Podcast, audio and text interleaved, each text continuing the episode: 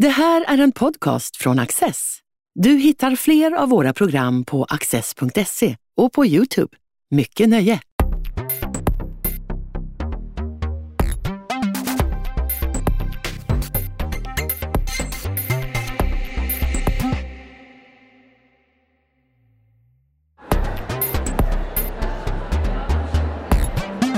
Samtal med Adam Sveiman berättar Fredrik Sveneus om avståndet mellan människan och hennes sanna jag. I vår samtid är det vanligt att det naturliga ställs mot det konstruerade. Digitala världar och socialt skapade identiteter förfrämligar människan från hennes inre. Temat i din bok är att vi har någon sorts krig nästan mot det naturliga, det som är inneboende i oss. Att vi försöker antingen fly från, från oss själva eller att vi aktivt genom tekniska hjälpmedel eller politiska teorier helt enkelt försöker förneka oss själva. Vad är det som håller på att hända? Så jag tror att det var ett väldigt kluvet förhållande, eh, både till kroppen och till det naturliga. Alltså dels är vi nästan besatta av kroppen och det naturliga. Vi tränar, vi håller på med dieter, vi vill leva i harmoni med omgivningen. Så att både det naturliga och kroppen har en ganska framskjuten plats i vårt samhälle. Eh, men å andra sidan så finns det också en, en, en stark skepsis, framförallt mot det här begreppet eh, det naturliga. Det är ett begrepp som har, som har missbrukats genom historien många gånger, som har kopplats till rasbiologi, en massa olika skumma eh, teorier där man liksom har hävdat att någonting är naturligt. Men sen när man har tittat närmare på det efteråt har man sett att det har inte handlat om kroppen utan det har handlat om andra grejer. Det har handlat om religion eller kultur eller någonting i den eh, stilen. Eh, så att jag tror att det, det är en slags ambivalens. Vi är både fascinerade, nästan lite besatta av kroppen och det naturliga. Å andra sidan så är vi, så är vi skeptiska. Liksom. Så att det, ja, och det var det som gjorde att jag tyckte att det var spännande att skriva en bok just om det här begreppet. I och med att det är ett sånt, ett sånt omstritt begrepp. Det är ett så laddat begrepp på många sätt. Så att jag försökte se om det gick att liksom sortera lite grann i de här olika uppfattningarna eller de här olika betydelserna av det naturliga. Se vilka som fungerar och vilka som inte fungerar. Så att säga. Det, mm. Om vi tar ett exempel från boken så går du exempelvis in på den rent explosionsartade användningen av eh, smartphones i vår vardag. Ja. Vi är uppkopplade hela tiden. Vad är, vad är problemet? Ja, alltså man kan ju säga att eh, undertiteln är ju, en, en av undertitlarna är en kritik av det digitala livet. Eh, och min idé är helt enkelt att eh, vi tenderar, när vi är för uppkopplade, när vi hela tiden är framför skärmen, när vi spenderar mycket tid med skärmen, så tenderar vi att liksom glömma kroppen på olika sätt. Eh, alltså man kan ju se på det digitala livet som ett slags kroppslöst liv på sätt och vis. Vi är liksom ute på nätet, vi är på olika sites, vi är inte i vår, vår kropp. Ehm, men samtidigt så klarar vi liksom inte av att lämna kroppen bakom oss. Vi, när vi sitter där med skärmen så har vi alla de här naturliga livskänslorna. Vi är liksom irriterade, vi, vi är rastlösa, eh, vi är oroliga. Vi har alla de här känslorna, de här naturliga kroppsliga känslorna som liksom driver oss i det här digitala livet. Och vi har svårt att se dem just därför att vi uppslukas så mycket av den digitala tekniken. Vad händer när vi inte ser dem? Ja, det, då går vi, man kan säga att vi går i en slags, vi går i en slags fälla. Vi, vi, vi låter oss liksom eh, luras med eller löpas med i de här eh, ganska ibland primitiva kroppsliga eh, liksom, livskänslorna. Och det där är ju ingen slump, för de som, eh, de som liksom formger olika former av digitala sajter, sociala medier eller datorspel, de vet ju exakt hur de ska exploatera de här känslorna. Så att eh, många av de här spelen eller sajterna, de är ju byggda just för att vi inte ska kunna motstå dem. Eh, så på det sättet så spelar kroppen fortfarande in, men på ett slags omedvetet sätt. Vi tror liksom kanske att vi lämnar våra kroppar bakom oss när vi är eh, på internet. Men i själva verket så, så är kroppen där liksom framför skärmen hela tiden och driver våra aktiviteter och handlingar. Och jag, jag tror också att det är liksom nyckeln till att förstå varför vi ibland kan bete oss ganska märkligt på nätet. Alltså varför vi kan gå med i olika former av eh, ja, mobbar, eh, varför vi blir så kategoriska, varför vi kan vara så elaka mot varandra på olika sätt. Det, det handlar just om det, så att säga. Mm. Att vi någonstans har lösgjort vår, vårt medvetande från vår fysiska kropp. Ja, att här ja, är vi. ja, ja. Det, det, är alltså, det är mycket svårare att bete sig illa mot någon som är kroppsligt närvarande, som vi sitter här nu till exempel. Det- är mycket svårare. Medan om vi har det här digitala gränssnittet emellan oss eh, så, är det mycket lättare, just därför att man behöver inte konfronteras med den andres känslomässiga uttryck så att säga, eh, på nätet. Sen ska man väl också säga att ehm, dels så finns kroppen med oss eh, när vi sitter framför smartphonen på det sättet att jag är en kroppslig varelse när jag liksom interagerar. Eh, men det är också så att med hjälp av nätet så har kroppen i väldigt hög utsträckning blivit yta. Den har blivit en slags presentation. Vi presenterar oss själva hela tiden. Det finns massor med bilder, foton, framställningar av oss själva på nätet. Så att kroppen blir på det sättet mer av en yta och projektion än en slags naturlig känsla och närvaro. Och det där är någonting som ja, som, som vi, egentligen, vi, vi mår ganska dåligt av det. Det har ju konstaterats nu eh, att till exempel eh, ungdomar som använder smartphone väldigt mycket och även vuxna de, tenderar, de, de, drabbas av olika former av psykisk ohälsa eh, helt enkelt. De, de mår taskigt av det. Men tror du inte att det, det man kallar för digital natives, alltså personer som har vuxit upp med det här, du tar ja. upp exempel på personer som i princip från spädbarnsåldern blir ja. akklimatiserade med att ha en, en pad eller en, en mm. Smartphone Eh, vänjer man sig inte vid detta? Alltså, vi har generationer nu som inte kan tänka sig ett liv utan en smartphone. Nej, vad, det... vad gör jag åt det här? Jag kommer inte göra mig av med min telefon som jag bär nära hjärtat. Det, det, som människor gör nu i ökad utsträckning, det är ju någonting som har börjat de sista åren, det är ju att de, de, de ägnar sig åt olika former av digital detox. Eller de försöker liksom lägga bort eh, telefonerna eller skärmarna, eller de, de installerar olika typer av program som ska hindra dem från att liksom använda telefonerna mycket. Eh, så på det sättet så försöker vi ju liksom försvara oss. Men jag menar, det som har hänt när vi i ökad utsträckning är framför med våra iPhones, det är någonting som har hänt ganska snabbt. Eh, men alltså vår kropp, den har ju varit med oss extremt länge. Den har varit med oss i hundratusentals år, alltså vårt kroppsliga sätt att vara. Och det är inte någonting som man egentligen kan vänja sig av med. Alltså kroppen är mycket mer grundläggande än så för människolivet. Vi har en, en kroppslig existens och vi, vi känner liksom ingenting annat. Och som jag sa förut, även om vi kanske tror att vi lämnar våra kroppar bakom oss när vi är framför, framför smartphonen så har vi egentligen inte gjort det. Vi, vi är där fortfarande med våra kroppar. Uh. Men skulle inte många säga att, att, smartphones, paddor, hela det digitala livet, sitta framför en dator och spela spel, mm. det är en sorts komplement, det är en extension av vår kropp. Mm. Det, den står inte i motsättning till kroppen. Det, det, du har fel, du, mm. du överdriver här. Vad, vad, säger du mot ett sådant argument? På sätt och vis kan man säga att Alltså teknologier är ju per definition eh, förlängningar av människokroppen. Det är ju så man kan förstå teknologier överhuvudtaget. Ända sedan det första spjutet eller när vi liksom byggde den första byggnaden så är eh, alltid teknologier en slags förlängningar av eh, människokroppen.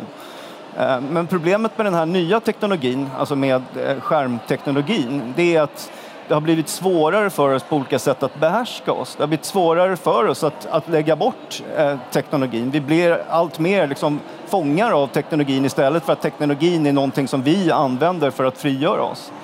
Så jag, jag, tror inte heller att vi, vi kommer ju inte helt, aldrig helt upphöra med skärmar. Det kanske händer någonting, någonting helt nytt. Men jag vill, jag vill ändå liksom peka på att det här digitala teknologiskiftet det är annorlunda än många tidigare teknologiskiften på det sättet att det är väldigt det är helt enkelt väldigt svårt att behärska sig. Det är väldigt, väldigt svårt att, att låta bli på ett sätt som inte har varit tidigare. Man kan ju betrakta liksom, uppfinnandet av boken som ett viktigt teknologiskifte. Det var ju ett jättestort teknologiskifte och det påverkade naturligtvis vårt sätt att tänka, vårt sätt att vara på olika sätt. Men det är inte alls lika svårt att lägga ifrån sig en bok. Det är inte det. Alltså, hur, hur gör du själv? När jag lägger ifrån mig en bok eller? En, en telefon? Ja, jag, jag är nog jag är lite för gammal för att vara helt uppsluken på det här sättet som, som vissa är som, som har kommit in i det här yngre som nu är 15, 16, 17, 18, 19 eller 20 år. Så jag är väl inte riktigt på samma sätt eh, förhäxad. Men visst, alltså det är svårt för mig också. Jag känner ju till det där, man sitter, man ska jobba, man ska skriva en text eller man ska läsa någonting. Men det är så fruktansvärt frestande att hela tiden kolla om man har fått ett mejl, om, om, om det har liksom postats någonting av en. Jag, jag, är själv, jag är inte på sociala medier, jag är inte på Facebook och Instagram. Uh, jag har aldrig varit det. Jag, jag valde från början att inte vara det därför att jag insåg att det skulle ta det skulle ta en sån oerhört stor del av min tid helt enkelt. Eh, för att jag vet att jag är en sån människa så att jag skulle syssla med att uppdatera den där sidan hela tiden för att den skulle se så bra ut som mm. möjligt. Jag skulle helt enkelt inte kunna låta bli så att säga. Mm. Mm. Från eh, sociala medier till mm. eh, queer-teori ja. hbtq-frågor. Ja. Du tar upp en intressant eh, uppdelning inom hbtq-rörelsen. Att det finns å ena sidan en del av rörelsen som lägger väldigt mycket fokus på att den vi är, den vi känner oss, det är också den personen vi bör vara. Ja, ja. Att det ska accepteras och i alla fall tolereras. Mm. Men å ena sidan så finns det en queer-teori som lägger väldigt mycket fokus på att vilka vi är fysiskt, biologiskt, det spelar ingen som helst roll. Mm, nej. Det här är lite snurrigt. Ja. Och, eh, kan du förklara? Alltså jag tycker ju att det är snurrigt. Det var bland annat därför jag tog upp det i första kapitlet i boken. Alltså det, är, det, är en, det är en slags kritik av, av Queerteorin Alltså för queerteorin är ju helt enkelt det är ju tanken att, att det egentligen inte finns någon naturlig kroppslighet. Att det så att säga, inte finns eh, någon form av naturliga känslor eller kroppsligt vara utan att eh, mänskliga tillstånd, vilka vi är, vilka vi blir, vilka vi bör vara, det är helt och hållet ett resultat av kulturella processer. Det är kulturen och samhället det handlar om. Eh, och då sysslar man med att identifiera olika former av maktstrukturer som på olika sätt gäller då att, att göra motstånd mot. Ofta genom att liksom kroppsligt bete sig på olika sätt. Men man förnekar att det finns en liksom naturlig grund eh, för könsidentitet eller eh, sexuell läggning. Och det, det, blir ju ganska paradoxalt därför att eh, könsidentitet och sexuell läggning är ju exempel på saker som är extremt kroppsliga. alltså de, de är ju med oss på ett väldigt grundläggande sätt från att vi är väldigt små. Inte så att jag vill säga att det bara handlar om natur eller biologi. Det handlar naturligtvis också om kultur och socialisering. Men det finns en slags kroppslig naturlig kärna i både könsidentitet och sexualitet som jag tycker att det verkar otroligt svårt att bortse ifrån. Och framförallt så blir det ju väldigt svårt att förstå sådana fenomen som, som homosexualitet eller transsexualitet om man inte antar att det finns någon slags kroppsligt naturligt begär i botten som gör att man liksom inte kan låta bli även om det inte är accepterat eller tillåtet i kulturen. Det, Men handlar det inte en del om, om frigörelse? Det vill säga att eh, kulturen och biologin tillsammans någonstans. Eller kulturen förstärker det biologiska mm. Mm. och håller oss fångna och att därför queer-teori är någon sorts frigörelse ändå. Ja, det är väl, det är väl tanken. Att vi ska liksom kunna kicka loss från varje eh, naturlig förutsättning. Att vi ska vara totalt fria helt enkelt. Men inte det önskvärt? Nej, men vi är ju inte totalt fria. det är helt enkelt inte sant, så att säga. Det är ju det första problemet då. Man kan ju skilja mellan vad vi är och vad vi bör vara. Och vi är helt enkelt inte helt fria. Vi har en viss biologisk konstitution, vi är kroppsliga varelser och det både begränsar oss och ger oss olika typer av möjligheter. I själva verket så kan egentligen ingen frihet tänkas om det inte först finns en slags situation som inte är vald. Alltså jag kan inte välja något om jag inte först är jag på något sätt. Så det, det, på det sättet blir det en, en, en slags misstolkning av vad frihet är för något. Eh, det är inte så att, jag menar, människor är ju inte bara sin könsidentitet eller inte bara sin sexuella läggning eller ens bara sin liksom, basala personlighet. Vi är väldigt mycket mer. Vi är naturligtvis kulturvarelser och sociala varelser. Men det finns en slags naturlig utgångspunkt, en naturlig kroppslig utgångspunkt för alla mänskliga erfarenheter. Och, och den kan man liksom inte förneka. Det, det är det som är, det, det som är kritiken då av, av queer-teorin. Eh, och det är också på något sätt mot bakgrund av vad vi idag vet om människokroppen, bland annat med medicinsk vetenskap och annat, där det ju har hänt otroligt mycket de sista hundra åren, så är det också en, en väldigt konstig position. Måste säga. Mm. Det här är inte okontroversiellt på något sätt, för det här uppfattas ju att, att hävda att vårt biologiska jag, vi mm. har ändå i grunden så är vi en, en samling liksom gener uppbyggda, eh, att det är lite kontroversiellt någonstans, i alla fall i västvärlden, att hävda att att vi faktiskt är, i stor utsträckning i alla fall, på gott och ont, ja. biologiska varelser med vissa drifter. Vi är predestinerade att göra vissa saker. Varför är det kontroversiellt? Varför har det blivit det? Alltså en anledning till att det är kontroversiellt är naturligtvis att biologin och den medicinska vetenskapen i någon mån har en smutsig historia. Alltså det har, det, har, det har uttalats en massa saker i den medicinska vetenskapens namn som senare har visat sig vara rena fördomar. Och det, det tror jag alltså många, den typen av feministiska analyser handlar ju ofta om den typen av liksom, vetenskapliga felslut och förtryck som har funnits tidigare. Men det kan man ju liksom inte kortsluta med den situation som vi lever i idag. Alltså jag skulle säga att idag är inte medicinsk vetenskap bara ett patriarkalt förtryck. Det är en konstig idé. Alltså det, det finns mycket genuin kunskap helt enkelt om våra kroppar där som vi på olika sätt kan ta till oss och lära oss av. Men som jag sa igen, alltså det innebär ju naturligtvis inte att vi liksom är predeterminerade att bli på ett visst sätt. Alltså, generna, biologin ger oss ju bara utgångsförutsättningar och de är väldigt viktiga. Men spelrummet för att sen gestalta sitt liv och göra olika saker med hjälp av kulturen är naturligtvis väldigt stort. Så att boken är ju inte alls någon slags invändning mot att, att sexualitet, eh, också könsidentitet i viss mån skapa sitt kulturellt socialt rum. Den är bara en slags invändning mot att det bara skulle handla om det kulturella och sociala rummet.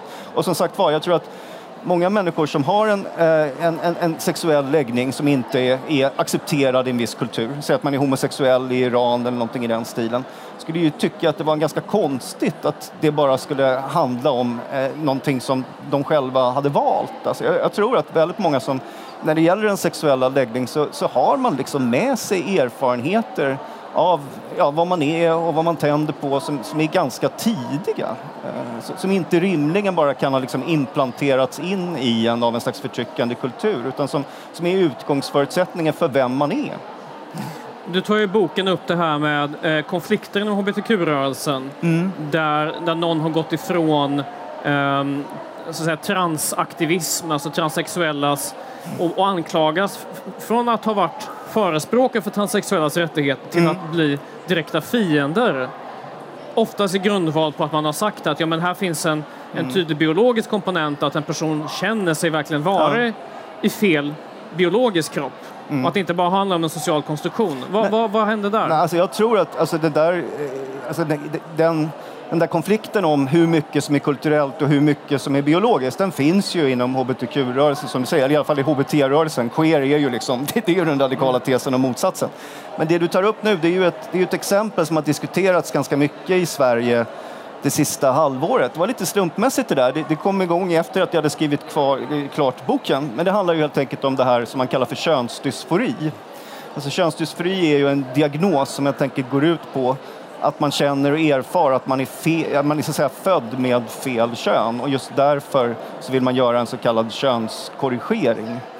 Eh, och på ett sätt och vis så kan man säga att i och med att könsdysfori då klassas som eller förstås som och är en sjukdom så kan man säga att det är ju den yttersta liksom, signumet på, på något sätt att det inte är frågan om en, någon slags kulturell konstruktion. Det är verkligen någonting i grunden kroppsligt biologiskt och det är just det den, den liksom diagnosen som man behöver få för att kunna liksom utföra eh, könskorrigeringen. Så det går inte alls ihop eh, med de queer-teoretiska antagandena helt enkelt. Det, mm. Och förklarar det överanvändningen av könskorrigerande ingrepp? Eller för, för diskussionen handlade ju mm. mycket om att man gav, man gjorde könskorrigeringar allt för lättvindigt, hävdade vissa kritiker. Och att det byggde på en sorts idé att det här egentligen inte grundar sig så mycket i biologisk, liksom att man känner man är född i fel kropp, utan det kanske mer handlar om en sorts sociala eh, känsla av otillräcklighet och ofrihet. Vi, vi, befinner oss i ett väldigt, ganska tidigt skede ändå. Alltså man har ju sett nyligen ganska stora ökningar i hur många som söker sig till diagnosutredningar kring könsdysfori. Eh, men vi har ju inte kommit så väldigt långt än i att utföra väldigt många könskorrigeringar. Men det skulle kunna bli så eh, framöver om man inte är lite försiktig. Och jag tror att en av anledningarna till att eh, många söker sig till könsidentitetsutredningar det är ju att queer-teorin och andra liksom, liknande teoribildningar i väldigt hög utsträckning dels förespråkar att det handlar om kulturella processer och å andra sidan också i någon mån ska man säga, idealiserar ett slags tillstånd där man kan vandra friare över könsgränserna. Alltså man, man, ska inte, man ska inte underskatta den typen av krafter om man ska förstå hur unga människor reagerar. Det behöver inte betyda att de har läst Judith Butler, men alltså, det, det sprids på olika mm. sätt. Mm. Om vi går in på ett, ett, ett annat begrepp som du tar upp mm. i din bok, är transhumanism. Ja. Som ännu ett exempel på där vi vill lösgöra oss ja. från våra kroppar. Vad är transhumanism och hur tar det sig uttryck? Ja, precis. Transhumanism, eh, det, är, det är ju någonting helt annat än queer-teori. det, är spännande. Det liksom, mm. eh, queer-teori är ju eh, feministisk eh, teoribildning på, på humanistiska fakulteter. Transhumanism är någonting mycket mer teknologiskt liksom, och i någon mening också ofta en slags, eh, en slags rörelse som finns bland, bland nyliberala eller neoliberala. Och transhumanismen, eh, transhumanisterna skulle inte säga att det inte finns en naturlig kroppslighet. Alltså de, de erkänner att vi är kroppsliga, naturliga varelser. De tycker bara att vi ska upphöra att vara det, helt enkelt. vi, ska, vi ska försöka göra oss av med kroppen därför att kroppen, eh, kroppen är det som reducerar oss. Det är det som är tanken. Vi bör gå bortom det humana i meningen av det kroppsliga. Att bli, vi bör bli någonting bättre, vi bör bli någonting mer. Vi bör bli datamaskiner. Vi bör bli varelser som inte behöver vara sjuka, som inte behöver lida och som inte behöver dö. Så tanken som transhumanisterna lägger fram är helt enkelt att vi ska försöka göra olika avläsningar av våra hjärnor och sen ladda upp dem i digital kod och övergå i en annan livsform. Ray Kurzweil som är en av eh, rörelsens företrädare, han har förutspått att det här som då kallas för singulariteten ska äga rum någon gång kring 2045. Liksom. Då, då ska den första, första människan ladda upp sig. Så vi får, se om det blir så. Jag tror inte att det kommer bli så. Men uh, ja, det är ändå en, man kan tycka att både queerteori och transhumanism är väldigt extrema teorier. Men de är ändå relativt spridda, omhuldande. Vi skriver väldigt mycket om dem. Ofta så skriver vi ganska positiva saker om dem. Alltså vi, vi är liksom glatt och nyfiket, eh, ja, vi är glatt nyfikna på något sätt. Och det jag försöker göra i boken är att jag försöker just granska eh, själva förutsättningarna för den här teoribildningen och hur jag tror att man, man på många sätt har, har bortsett från hur viktig kropp och kroppslighet är för människan. För jag tror nämligen att om en människa lyckades ladda upp sig och blev helt enkelt digital kod i molnet eller en transhumanism, eller en, en, en, en datamaskin, eh, så skulle det livet vara, det skulle vara relativt meningslöst för att det skulle inte kännas överhuvudtaget. För att, för att känna någonting överhuvudtaget så behöver vi en kropp. Vi behöver kroppen för att känna. Och det, och det, det handlar inte bara om de dåliga sakerna, det handlar inte bara om att vi känner smärta eller liksom dåliga känslor, utan allt det goda är också kroppsligt. Det känns också. Så på det sättet så, så bör, vi, bör vi också bejaka vår kroppslighet och inte liksom förneka den eller försöka undfly den som både då queer-teoretikerna och transhumanisterna vill göra. Om det är någonting som förenar de här olika rörelserna, man kan kalla dem sådana, eller idéerna som du kritiserar, är ju att de någonstans ser antingen vår eh, kulturs eller religions användning av, av kropp och normalitet som ett sätt att hålla fast oss. Mm. Eller så är det att vår kropp är skröplig. Transhumanisterna ser ju verkligen en, en kropp, men våra kroppar är väldigt ja. bräckliga, ja. ömtåliga. Queer-teoretikerna ser hur, hur vår biologi används som ett sätt ja. att hålla oss tillbaka. Men är det inte ska det inte brytas? Ska inte de här barriärerna brytas? Och är det inte meningen att när vi når en sån här högteknologisk nivå att vi faktiskt ska inte bara ha ett spjut utan vi ska även kanske byta ut defekta delar och bli i alla fall, om inte helt, delvis robotar? Alltså vi kan ju säga att med hjälp av de här smartphonesen som vi pratade om tidigare så är vi ju redan cyborgs. Alltså det, det sättet som, som vi nu använder eh, smarta mobiltelefoner och annan teknologi gör ju att vi, vi är ju mer eller mindre sammankopplade. Alltså unga tjejer till exempel mellan 15 och 20 år, de har alltid sin telefon i vänstra handen. Liksom. Det, så det, är en, det är en förlängning som finns där. Man kan ju tänka sig att nästa steg är att vi kopplar in den mera direkt i hjärnan. Kanske kommer vi dit, men jag tycker att Eh, så mycket som teknologin används just nu, den digitala teknologin, så kan man redan säga att i någon mån så är vi där. Alltså vi är inte upphört att vara kroppsliga varelser, men vi har kopplat samman oss med olika typer av liksom, proteser, teknologiska förlängningar. Och det kommer väl förmodligen i framtiden att, att gå ännu längre. Men eh, det kan ju också det kan ju vara något bra. Jag menar, om jag till exempel behöver en pacemaker eller jag behöver en smart hand eller någonting i den stilen. Det finns ju man kan ju använda teknologi eh, för att komma ifrån alltså tillstånd, sjuka tillstånd eller skadade tillstånd. Och det, det tycker inte jag naturligtvis är någonting dåligt. Mm. Det dåliga är att vi med hjälp, eller den, den, den, problematiska tanken är att vi med hjälp av det skulle försöka göra oss till mindre och mindre kroppsliga varelser. Det tror jag inte vi kommer att bli. Alltså, vi kommer att, i, i grunden att, att fortfarande vara kroppsliga och vi kommer att så vara det med hjälp av teknologin. Mm. Hur ska du undvika att bli anklagad för att vara bakåtsträvare?